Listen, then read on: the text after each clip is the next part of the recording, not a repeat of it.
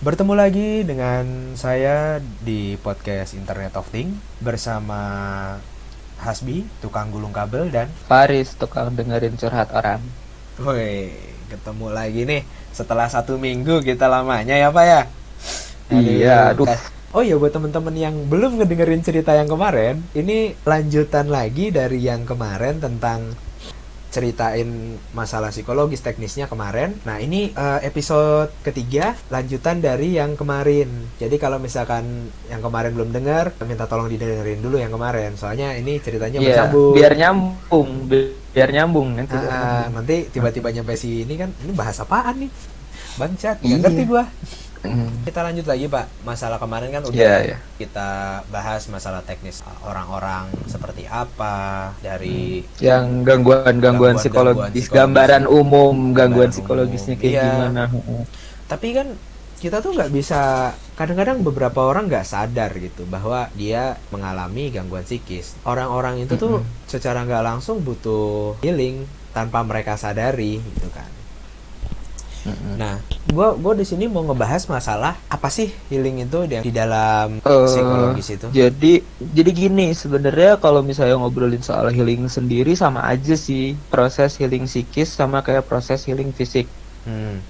gitu. Jadi ya ibaratnya kayak kalau misalnya fisik lu punya luka lu dikasih betadine ya lu diplester sampai kering lukanya baru lu sembuh gitu kan. iya Nah, sama psikis juga kayak gitu. Cuman masalahnya ya kadang khususnya di Indonesia sendiri kita dididik untuk tidak menunjukkan luka itu ke orang lain dan bahkan mungkin menutup luka itu untuk diri kita sendiri. Damn. Contoh sederhananya, Hmm. ketika mie kecil dibully, ya nakal dia mukul aku, aku pukul balik. Yang disalahin siapa? yang mukul balik Iya, benar sekali. Iya.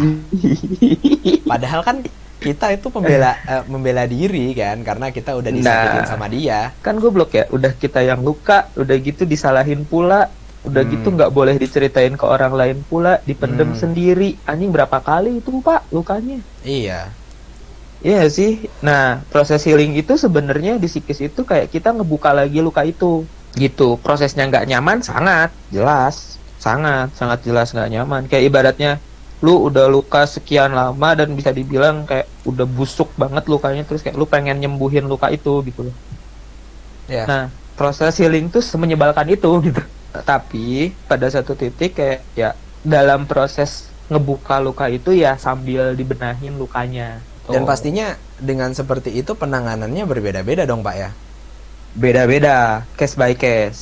Tapi memang ada kayak nggak nggak bisa dibilang general pattern sih, tapi paling enggak eh, kita yang di psikologi kita dikasih acuan teori buat nyembuhinnya. Jadi ada beberapa sudut pandang yang bisa kita pakai kalau mau nyembuhin luka psikis orang gitu. Gitu. Seperti itu ya. Ada toolsnya. heeh. Tapi itu akan jauh lebih dibahas di S2. Kalau S1 kita cuma dikasih basic prinsipalnya doang. Dalam psikologis itu berarti sudah ada pattern tertentu yang jadi standar kalau misalkan seseorang terkena apa gitu kan. Kan di dunia psikologis itu pasti ada yang namanya eh, diagnosa. Gimana sih cara teman-teman yang bekerja di bidang itu untuk mengetahui oh si A nih kenanya ini, oh si B ini kenanya ini. Hmm. Apa sih yang bisa orang awam lakukan dalam hal yang simpel kayak gitu? Apakah emang itu hanya dilakukan oleh teman-teman profesional ataukah eh, teman-teman yang awam bisa membantu? Sebenarnya gini, kalau ngobrolin soal penegakan diagnosa itu harus psikolog dan dia sudah S2 punya profesi gelar psikolog gitu. Kalau Hmm. misalnya ngobrolin gangguan jiwa means dia harus orang psikologi klinis nama Hmm, gitu. Nah, tapi di psikolog klinis ini pun dia juga perlu kalau misalnya normalnya diagnosa itu jadi kayak kita ngasih alat tes dulu. Kita ngasih alat tes psikologi tertentu. Ada banyak, Bong, alat tesnya. Hmm, bentuknya? gitu alat bentuknya ya kayak misalnya salah satunya yang sering lo kerjain deh di interview kerja Ya. kayak suruh gambar orang gambar pohon misalnya Hmm. atau yang delapan kotak itu yang delapan kotak ada tanda-tanda tertentu atau Ya. misalnya memang ada ganggu tes-tes tertentu tes-tes tertentu yang memang khusus buat mencari indikasi ini gangguan apa gitu. Salah satunya ada yang namanya tes roh tes roh sah tes roh sah tulisnya gimana ya? Ah ya udah. Karena gue nggak ambil mata kuliah itu Hmm. tapi di tes itu kayak lu di di, di kayak dikasihin satu bentuk gambar bentuk-bentuk kayak pecikan tinta gitu. Nanti lu disuruh kayak ini ada gambar apa di sini? Ini ada gambar apa di sini? Ini ada gambar apa di sini? Gitu. Hmm. jadi lebih banyak tes-tes yang mengacu ke arah tuh kondisi penggambaran kondisi mental lu. Ke arah tes itu sih. Nah nanti dari tes itu terus ada yang namanya proses interpretasi. Hmm. Proses interpretasi ini kayak pemaknaan hasil tes. Dari pemaknaan hasil tes itu muncullah diagnosa bahwa oh ini orang kena ini oh ini orang kena ini ini orang kena ini gitu. Gitu. Oh. itu juga ada cocok-cocokannya juga sama yang pedoman PPDGJ sama DSM itu sebagai buku panduan kita menganalisa gangguan-gangguan yang dialami. Terus untuk orang awam kayak gimana? Masih mungkin. Jadi gimana sih prosesnya selain yang tadi tes itu? Kita juga ngedengerin ceritanya kan biasanya eh, orang-orang itu kan kayak ngasih tahu gejala-gejalanya gitu loh. Ini loh kak kayak misalnya yang kemarin. Ini loh kak aku kok ngerasanya kayak kenapa ya aku tiba-tiba bisa nangis aja gitu? Padahal aku nggak tahu sumbernya apa. Oke satu. Hmm. tuh oh dia nangis tapi sumbernya nggak tahu apa. Oke gua keep dulu. Terus kayak dia cerita lagi iya jadi orang tua aku tuh di rumah berantem terus kak dan itu di, di depan anak. Oke itu ada informasi lagi. Dua dua Hmm. keep. Gitu. Terus dia cerita lagi iya jadi aku tuh dari kecil sendirian kak bla bla bla bla jadi aku tuh sendirian dan ketika misalnya aku ini kakak aku juga kurang peduli sama aku oke Hmm. tiga gitu nah jadi nanti kayak udah jadi ngebocorin rahasia gini ah Kan tidak sebut nama, Pak. Enggak, maksud gue jadi ngebocorin rahasia si proses analisanya itu loh gitu. Jadi dari dari proses dari dari informasi-informasi itu kita gabungin, kita compile, dapat kesimpulan, oh berarti ini gangguannya. Udah gitu kita lempar ke dia, validasi, proses ya gue bilangnya sih proses validasi sih. Hmm. Kayak meyakinkan apakah yang memang di pikiran gue sama kayak yang ada di pikiran dia gitu. Udah gue lempar gitu, der dia bilang, "Oh iya Kak, bener banget. Aku emang kayak gitu." Hmm. Oh iya, aku emang kayak gini. Oh iya, aku Hmm. emang kayak gitu. Oh ya udah, berarti memang oh berarti memang kalau misalnya ini oke, gua dapat gambarannya. Dia orangnya kayak gini, kenapa bisa kayak gini? Langsung kayak di otak tuh nyambung. Tuk, tuk, tuk, tuk, tuk, tuk, tuk, gitu. Hmm. Karena ada informasi-informasi yang sebelumnya itu loh. Oh, jadi secara gamblangnya adalah dengan cara mendengarkan curhatan dia gitu ya. Iya, simpelnya dengerin Simpelnya curhat seperti dia, itu. Heeh, dengerin curhat dia dan malah kita dapat informasi banyak dari situ. Iya, iya, iya, iya. Nah, terus balik lagi, Pak. Eh, kita kan sebagai pribadi nih ya. Kadang Mm-mm. Ya seperti yang Bapak bilang tadi di awal bahwa kita tuh nggak boleh apa bitching apa sih bahasa Indonesianya? Nangis gitu kalau cowok tuh. Katanya, katanya. Mm-mm. Nah kan itu, wah lu gini Cengeng. aja, gini aja lemah. Sedangkan Baper, heeh. Iya kan, sedangkan kita tuh ya sama aja manusia gitu Pak. Bahkan yang udah apa namanya kena pun tidak menyadari bahwa dia itu emang kena. Dari dari Hmm. sisi kitanya sendiri nih, gimana sih cara kita untuk menyadari apa sih yang salah dengan kita? Hal pertama yang memang kerasa sama diri sendiri itu hidup lu udah mulai ngerasa nggak nyaman. Hmm. Itu indikator pertama. Indikator pertama kalau lu memang punya kayak gangguan ah, bukan gangguan sih, terlalu jauh kalau misalnya gangguan. Kalau lu ngerasa nggak nyaman, nggak nyaman secara psikis lah gitu. Ya. Itu itu indikator pertamanya kalau misalnya memang lu punya something wrong. Bukan berarti gangguan ya, tapi baru something wrong. Karena ketika misalnya udah dijudge gangguan, itu udah udah sangat jauh dan lu kebayang nggak sih dibilangin, lu depresi lu. Udah aja. Orang yang ngomong depresinya kan udah ya selesai saat itu ya. Ya. Tapi nyadar nggak ketika misalnya lu bilang ngelempar orang bilang lu depresi, orang itu kepikiran nggak? Emang gue depresi ya. Pastilah. Terus udah gitu, terus udah gitu mulai nyari-nyari. Ya kan? Self- Biasanya orang orang orang sekarang kan kayak gitu kan. Ya, Nyari-nyari, self-diagnose. emang. Nah, Tai kan? self diagnose self diagnose dan ternyata anjing kok sama semua ya indikatornya? Kayak yang gue kayak yang gue alamin sekarang apa emang gue depresi ya. Terus kayak udah gitu ada di situ kecenderungan untuk bunuh diri. Makin lama makin ngerasa "Anjing, gue depresi gue depresi gue depresi. Dia dia dia meyakinkan ke dirinya sendiri bahwa gue depresi. Secara nggak sadar loh ya. Semakin baca itu semakin yakin bahwa ya sekarang lu gimana nggak yakin orang? Di Google aja bilang kayak gitu disebutnya depresi. Hmm.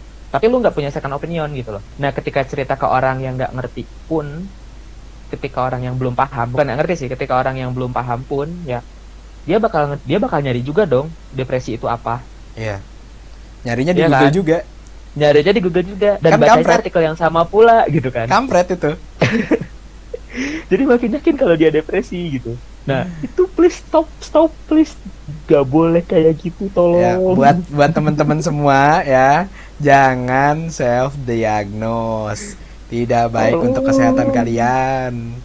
tolong itu itu aduh. Yang ada gue pengen ngeyakinin ya. Sebenarnya lu nggak apa-apa. Iya. lu pengen ngeyakinin. Lu lu sebenarnya nggak kenapa-napa. Lu cuman ngalamin unfortunate yang membentuk kepribadian lu menjadi saat ini. Itu yang mau gue sampein ke setiap orang yang ngalamin katanya ngalamin ini ngalamin itu. Kecuali kalau memang sudah didiagnosa ya sama psikiater atau psikolog. Hmm, nah itu baru itu baru bisa dipercaya gitu. Iya. tapi kalau belum tolong jangan dulu please. Ya itu tuh sering-sering banget gitu bang kejadian yang ketika wah lu gua kenapa ya? Googling googling Hmm. aja gue sih nggak bisa menutupi bahwa gue pengen bilang goblok aja itu kalau misalkan Iya. sakit ya ke dokter. Kalau misalkan bingung Hmm. tanya. Sama yang profesional. Masalahnya di psikolog ke apa namanya ke psikolog itu mahal. Iya. Atau Tapi ke bisa- psikiater ke psikolog atau psikiater itu mahal lumayan tapi mahal nih budgetnya. pak ya. Gue mau mau memandang dari sisi orang sebagai apa ya namanya eh, subjek lah subjek. Misalkan gua Mm-mm. nih gua gua ada yang aneh nih sama gua nih kan Mm-mm. di BPJS tuh di cover nggak sih? Apa? Itu kan maksudnya eh, masuknya ke dalam pengobatan ya? Iya. Apakah di BPJS itu di cover yang seperti itu? Setahu gue sih gue baca-baca ada bong.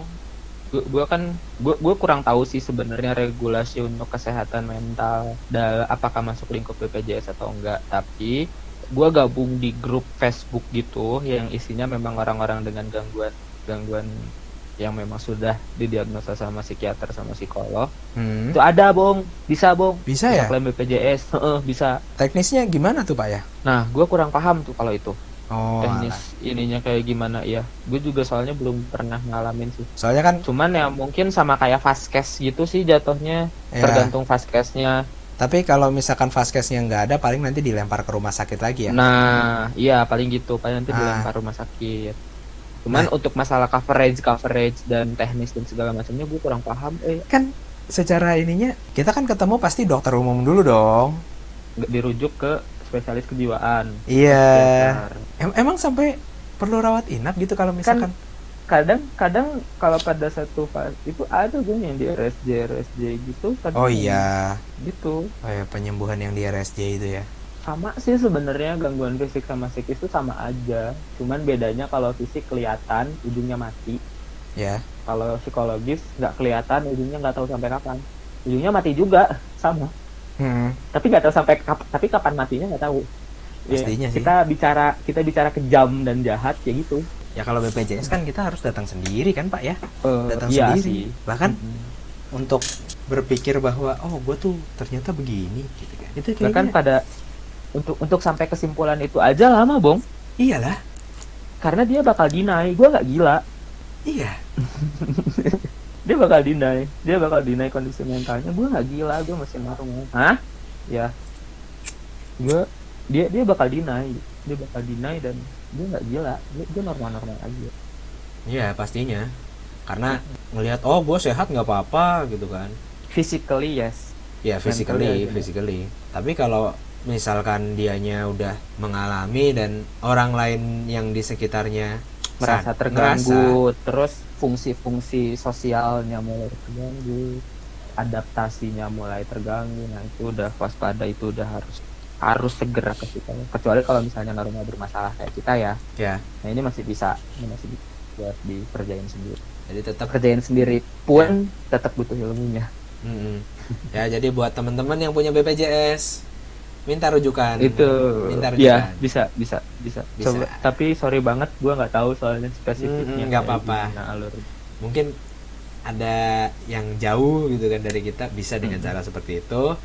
Mm-mm. Jangan takut untuk bertanya satu lagi Enggak, bukan bukan takut sih, Bong. Lebih tepatnya jangan malu. malu ah ya benar jangan Uh-uh. malu untuk bertanya Enggak enggak enggak enggak usah kayak enggak usah ngerasa kayak ah gue gue kayak ngerasanya mental kayak gini ya. Enggak enggak Hmm. usah ragu, enggak perlu enggak perlu malu.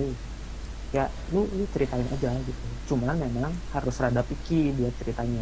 Itu doang sih. Hmm. Karena lu salah cerita, lu bakal dapet judge dan itu something yang sangat tidak menyenangkan ya yang bakal lu alami. Itu doang sih.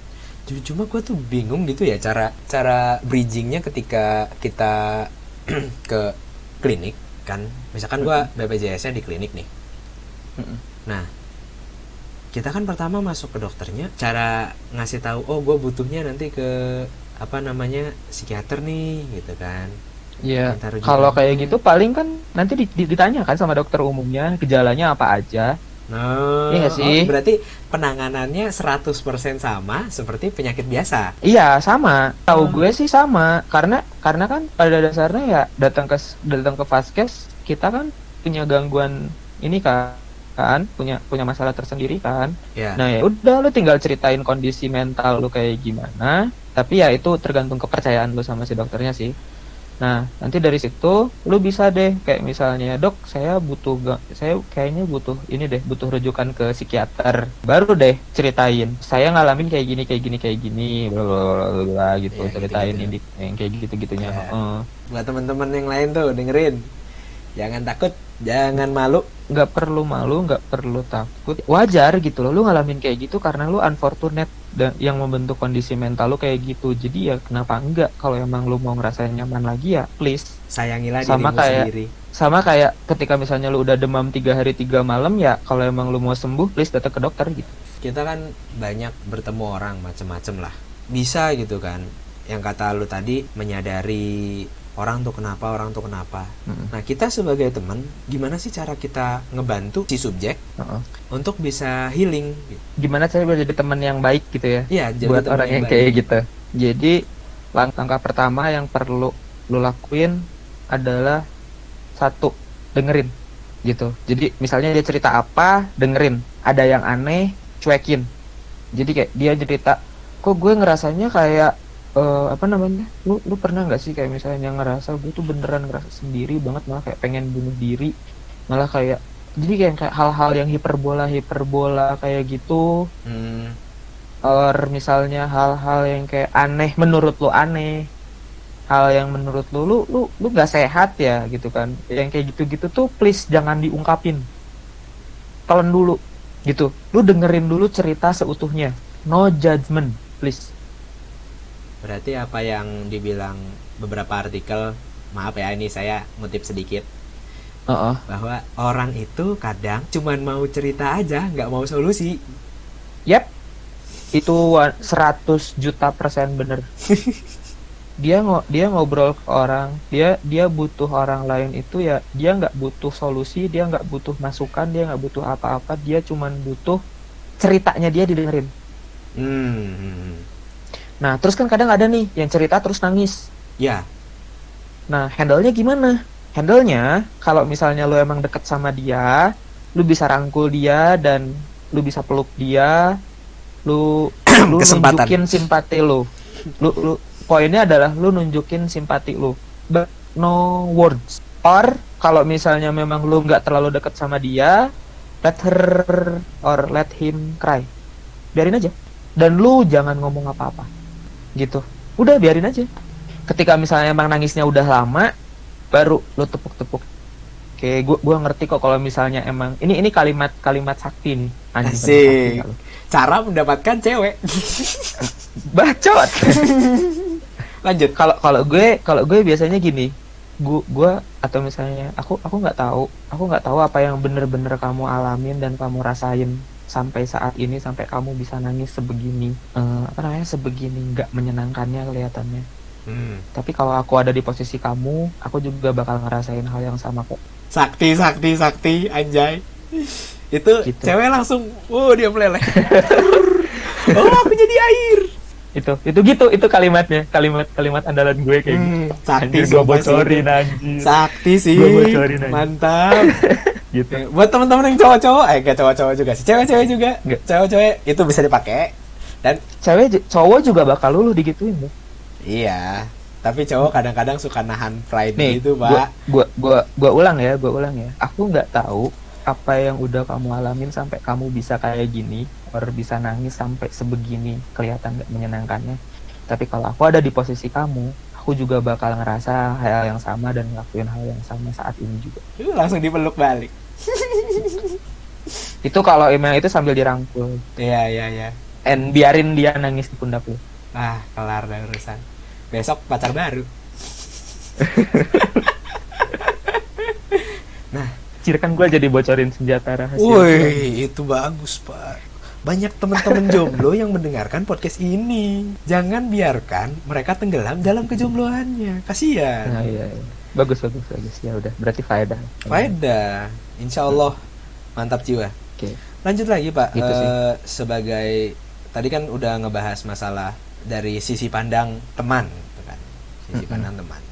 Nah, sebagai sisi pandang si subjeknya, misalkan gue yang ada masalah tentang Mm-mm. diri gue gitu ya. Apa sih yang bisa gue lakuin? Eh, Oke, kalau misalnya dari sudut pandang subjek yang ngalamin, itu yang pertama lu perlu sadar dulu. Sadar dalam artian kayak gini loh. Eh, cari tahu apa sih yang sebenarnya bener-bener bikin lu nggak nyaman itu. Karena bisa jadi titik yang lu anggap nggak nyaman itu adalah bunga, bukan akar. Gitu. Jadi gue pernah nih, Bang, ada satu kasus kayak misalnya dia dia nggak bisa ada cewek nih nggak bisa move on dari dua cowok Hmm. Anjir, bisa move on dari dua cowok dong langsung Hmm, dua nih. mantap. Nggak bisa move on. Nah, gue tanya kan, ketika misalnya ketika misalnya pada satu aw- pada awal wawancara dia bilangnya kayak gue nggak bisa move on dari si A itu karena alasan satu dua tiga Iya, sama si B itu alasan satu dua tiga gitu kan. iya. Nah, gitu. Setelah misalnya udah beberapa lama, gue tanya lagi dalam kondisi hipnosis ya, gue Iya. coba cari tahu dalam kondisi hipnosis, dan ternyata alasannya itu totally different. Dan yang dia bilang itu kayak cuman ujungnya doang, bunga-bunga surface-nya doang, permukaan alas alasan permukaan, tapi alasan deep-nya nggak dia ceritain. Jadi kayak i- ini sebenarnya lebih ke arah self reflection sih. Hmm, hmm, hmm. self reflection cari tahu apa yang memang bener-bener bikin lu nggak nyaman. Habis itu langsung pikirin cara gimana caranya biar gue bisa nyaman dalam kondisi yang kayak gitu. Ini susah banget sih. To be honest ini susah banget. Asli ini susah banget. Ini butuh latihan juga. Nah yang kedua gitu sadari. Jadi kira-kira kalau misalnya gue ngerasa nggak nyaman apa nih yang bisa gue lakukan paling enggak biar gue bisa ngerasa nyaman? Yang ketiga lakuin. Orang yang sampai self harmingnya tuh gara-gara memikirkan oh dengan dengan gini yang kita bahas di episode 1 Mm-mm. oh dengan gua menyakiti diri gua sendiri gua mendapatkan relief gitu dari hal ini gitu kan. Tapi in the end dia ngerasa lega kan? Iya, in the end dia ngerasa Itu lega. bentuk healing. Itu bentuk healing emotionally, tapi nggak dengan physically-nya. Tapi highlightnya adalah di sini yang jadi kayak lu point point outnya ya itu masalah perilakunya dan segala macam kita nggak bisa kontrol tiap orang. Iya, betul. Tapi caranya yang gua lakuin selama ini adalah kayak gitu. Gua Ujung. gua ngerasa nggak nyaman, gua ngerasa nggak nyaman gara-gara apa nih? Kayak misalnya kemarin gue dapat gawean nih, Ya.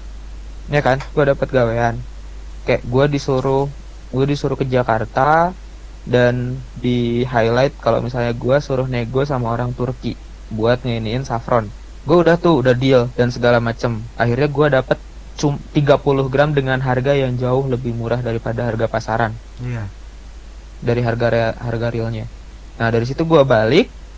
Udah gue balik dan si yang nyuruh gue buat nego ini sama sekali nggak ngomong soal fee. Gue nggak nyaman nih. Gue pengen tahu fee gue dapat berapa. Ya udah gue ungkapin ke orang itu. Hmm. bodoh amat respon dia mau kayak gimana. Yang penting apa yang ada di keluar dari gue apa yang ada bikin gue nggak nyaman keluar. Gitu. Ini juga masalah keberanian sih ini juga masalah keberanian buat ngomong ke orang itu sih.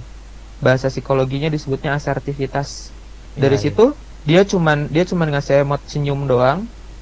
Dan ketika gua bilang nih gua pakai duit gua 200 ribu nih gue bilang kayak gitu. Dia yang kayak ya udah sini mana minta ininya aja minta notanya aja. Kayak nggak percaya gitu anjing. Gue kesel gitu loh. Eh ayo udah gua nggak udah gua nggak tahu ini dibayar berapa gue bilang. Gua minta duit gua balik aja harus pakai nota. Akhirnya gua detailin semuanya bang gua detailin gua lempar ke dia. Indian digantiin dan gua cuma dikasih 200 ribu. Damn! Di luar di luar uang yang diganti 200 ribu itu. Fee gue cuma 200 ribu ternyata. Gue nggak nyaman. Gue lempar gitu. Iya. Nah proses untuk menyadari ke nggak nyamanan ini ini butuh latihan. Itu sih buat yang simpel hal simpelnya yang bisa dilakuin si subjek yang ngalamin ke nggak nyamanan itu. Bagaimana ketika kita sudah tahu nih oh kita kena? Oke. Apa sih yang harus kita lakukan? Pertama yang harus lo lakuin adalah lo pelajarin dulu apa yang lo alamin. Hmm. Pelajarin bukan untuk self diagnose tapi pelajarin untuk tahu oh ini loh yang gua ini yang ini yang gua alamin ini yang gua alamin ini yang gua alamin. Jadi lu sadar bahwa oke gue punya gangguan ini dan gangguan ini tuh dampak ke diri gue tuh kayak gini kayak gitu kayak gini kayak gitu. Itu langkah pertama yang perlu lo lakuin. Yang kedua kalau emang lu bisa selesaiin sendiri selesaiin sendiri. Ya. maksudnya selesaiin sendiri gimana ya I don't know itu cara lu. Dan definisi selesai lu kayak gimana gitu. Ya. Tapi kalau misalnya emang lu udah ngerasa nggak bisa nyelesain itu sendiri, min ya udah cari profesional. Dan ya sama kayak gangguan fisik ya lu juga perluin perlu bayar buat jasa profesionalnya. Nah. Dan lu ceritain bahwa ini loh gua objektif gua gua pengen jadi gini ngobrol sama profesional juga nggak menger mereka nggak semengerti itu juga bong. Jadi lu tetap harus punya objektif lu sendiri. Objektif gue dari gangguan gue ini gue pengen bisa kayak gini. Lu bisa nggak eh, bisa nggak bantuin gimana caranya biar bisa kayak gitu Hmm. udah dari situ tinggal jalanin proses healingnya ya udah tinggal ikutin alurnya. Apa yang dikasih sama profesional lu harus coba dengan ikhlas untuk mengikuti itu gitu ya? Iya iya ikutin ikutin apa yang dibilang sama si profesional itu. Tapi balik lagi ketika misalnya lu nggak cocok sama profesional itu cepat cut dan ganti profesional yang lain. Itu kenapa tuh pak? Bisa seperti itu itu karena nanti in the end gini ketik tiap profesional punya gayanya masing-masing dan itu cocok-cocokan sama klien or sama si subjek. Takutnya nanti ketika misalnya lu ngeras gimana sih lu ngejalanin perintah dari orang yang bikin lu nggak nyaman? Lebih ke arah situ sih. Jatuhnya nah. Oh, males ngejalaninnya ngapain? Nah udah bayar mahal-mahal Iya. gak dikerjain kan Iya. sayang. Bete mah iya duit hilang iya. Kerjaan itu gak beres Nah, banyak banyak orang yang nganggap kayak ah udah ke psikolog gua nanti bakal kayak gitu kok. Ke profesional mental health-nya bakal kayak gitu kok. Ya iya. Ya wajar karena emang pengalamannya rata-rata kayak gitu dokternya nggak cocok sama subjeknya tapi dipaksain terus. jadi cocok-cocokan gitu pak ya intinya dalam Memang sangat cocok-cocokan. Hmm, gitu. jadi kalau yang masih muda carilah dokternya yang muda gitu kan Siapa tahu jadi jodoh. Jadi berobat gratis. iya berobat gratis for life Hashtag, hashtag ganti status 2020. wow jadi apa WNI apa WNA terus gitu. buat temen-temen yang nyari kayak gitu tuh bisa ke mana pak ya Ke, nah sebenarnya sih kalau misalnya nyari itu agak agak lumayan sulit sih, agak lumayan sulit dalam artian memang paling nyarinya ke biro-biro psikologi. Or nggak tahu nih, sekarang kayak katanya lagi mau mulai gencar psikolog or sarjana psikologi masuk puskesmas. Uh. Ada program-program kayak gitu-gitu. ya Mm-mm. Itu juga kayaknya penting juga sih. wih mantap sih kalau itu Eh, terus udah kayak gitu kalau misalnya enggak cari ke rumah sakit rumah sakit daerah tertentu atau misalnya rumah sakit terdekat minta tanya ada poli jiwanya atau enggak gitu Hmm. atau ya cari sendiri profesionalnya dari Google. Dari Google. Banyak ya pastinya. Iya tapi balik lagi eh sekali lagi gue tekenin di biaya psikologi nyembuhin mental ini mahal. Ya tapi relatif mahal. Gitu. Tapi kalau Relatif misalkan kita bandingkan dengan efek-efek yang akan terjadi perubahan dengan kehidupan lo nantinya itu nah. sebanding dong. itu worth. Malah ya worth itu worth gitu Itu yang Itu yang selalu gua pikirkan adalah itu ketika worth. Heeh. ketika lo menjalani pengobatan yang harus lo yakini adalah satu. Lo nih buat apa berobat? Kalau bukan bertujuan untuk menyembuhkan diri lu Iya. Dan ketika setelah setelah terapi itu lu bakal ngerasa nyaman, lebih nyaman hidup lu. Itu aja sih. iya Dan berapa harga untuk sebuah kenyamanan yang bisa lu dapat itu? Itu aja sih Hmm. pertanyaan. Tapi ya gua tekenin memang cukup mahal untuk meng- untuk mengobati psikis ini.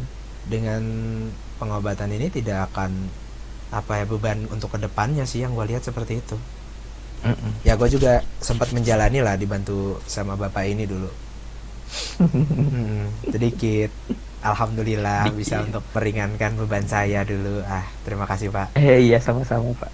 Saya Nah. mah cuma dengerin curhatan bapak doang. iya alhamdulillah sekarang makin waras lah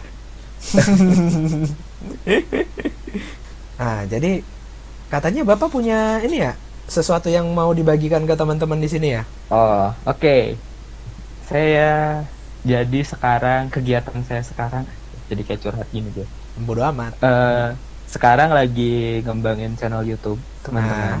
Hmm, Jadi ada channel YouTube namanya obrolin aja yang logonya ini, logonya cangkir kopi. Jadi di situ ada dua sih, ada Oh. dua channel dan kalau yang punya gue itu eh, isinya tentang kalau yang udah ada di situ ya kayak tentang gimana caranya move on, Hmm, terus kenalan sama stres, terus menuhin kebutuhan psikis tuh kayak gimana hmm, dan obrolan-obrolan lain yang memang kayak eh, yang pengen nak pengen gue obrolin sama kalian lah entah itu Hmm. psikologi entah itu apa pun lah pokoknya itu channelnya tentang kayak gitu ya. terus ada podcast juga No Flex Talk Nah, itu heeh, itu ya sama isinya kurang lebih obrolan obrolan kayak gitu juga nanti nanti saya request ikut ke sana Pak ya sekali-kali gantian lah. Boleh Pak, boleh. Boleh Pak. Kalau misalnya memang mau uh, ngobrol langsung sama gue, bisa ke Instagram gue pribadi di @snowflake yang tadi eh, S N O W F L A K E titik 014 atau kalau mau langsung ke personal WA gue bisa bit.ly slash tanya snow Oh, mantap. itu itu langsung ke personal WA gue Hmm. gitu. Itu sih kalau misalnya emang ada yang mau tanya-tanya dan mau reach personal bisa langsung Buat teman-teman semua, sekali lagi Pak, jargonnya jangan takut, jangan malu, tanya Snow. Iya. Asik. Asik.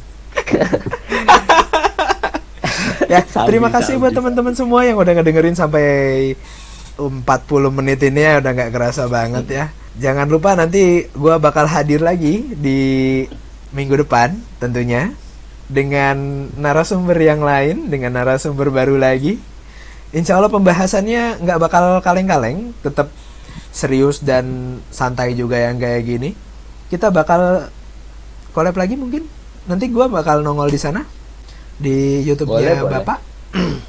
Boleh, boleh. Kita Hmm. bisa kondisi. Nanti gue bakal ngobrolin apa nanti di sana buat temen-temen yang ngedengerin podcast ini. Coba nanti cek di sana. Yang penasaran sama uh, psikologi atau apa, semua tentang itu ada di sana semua. Gak apa-apa, nanti tinggal tanya saja. Oke, selamat pagi, siang, sore, malam, bebas lah terserah kalian mau dengerinnya kapan. Makasih udah ngedengerin sampai detik ini. Selamat melanjutkan kegiatan kalian.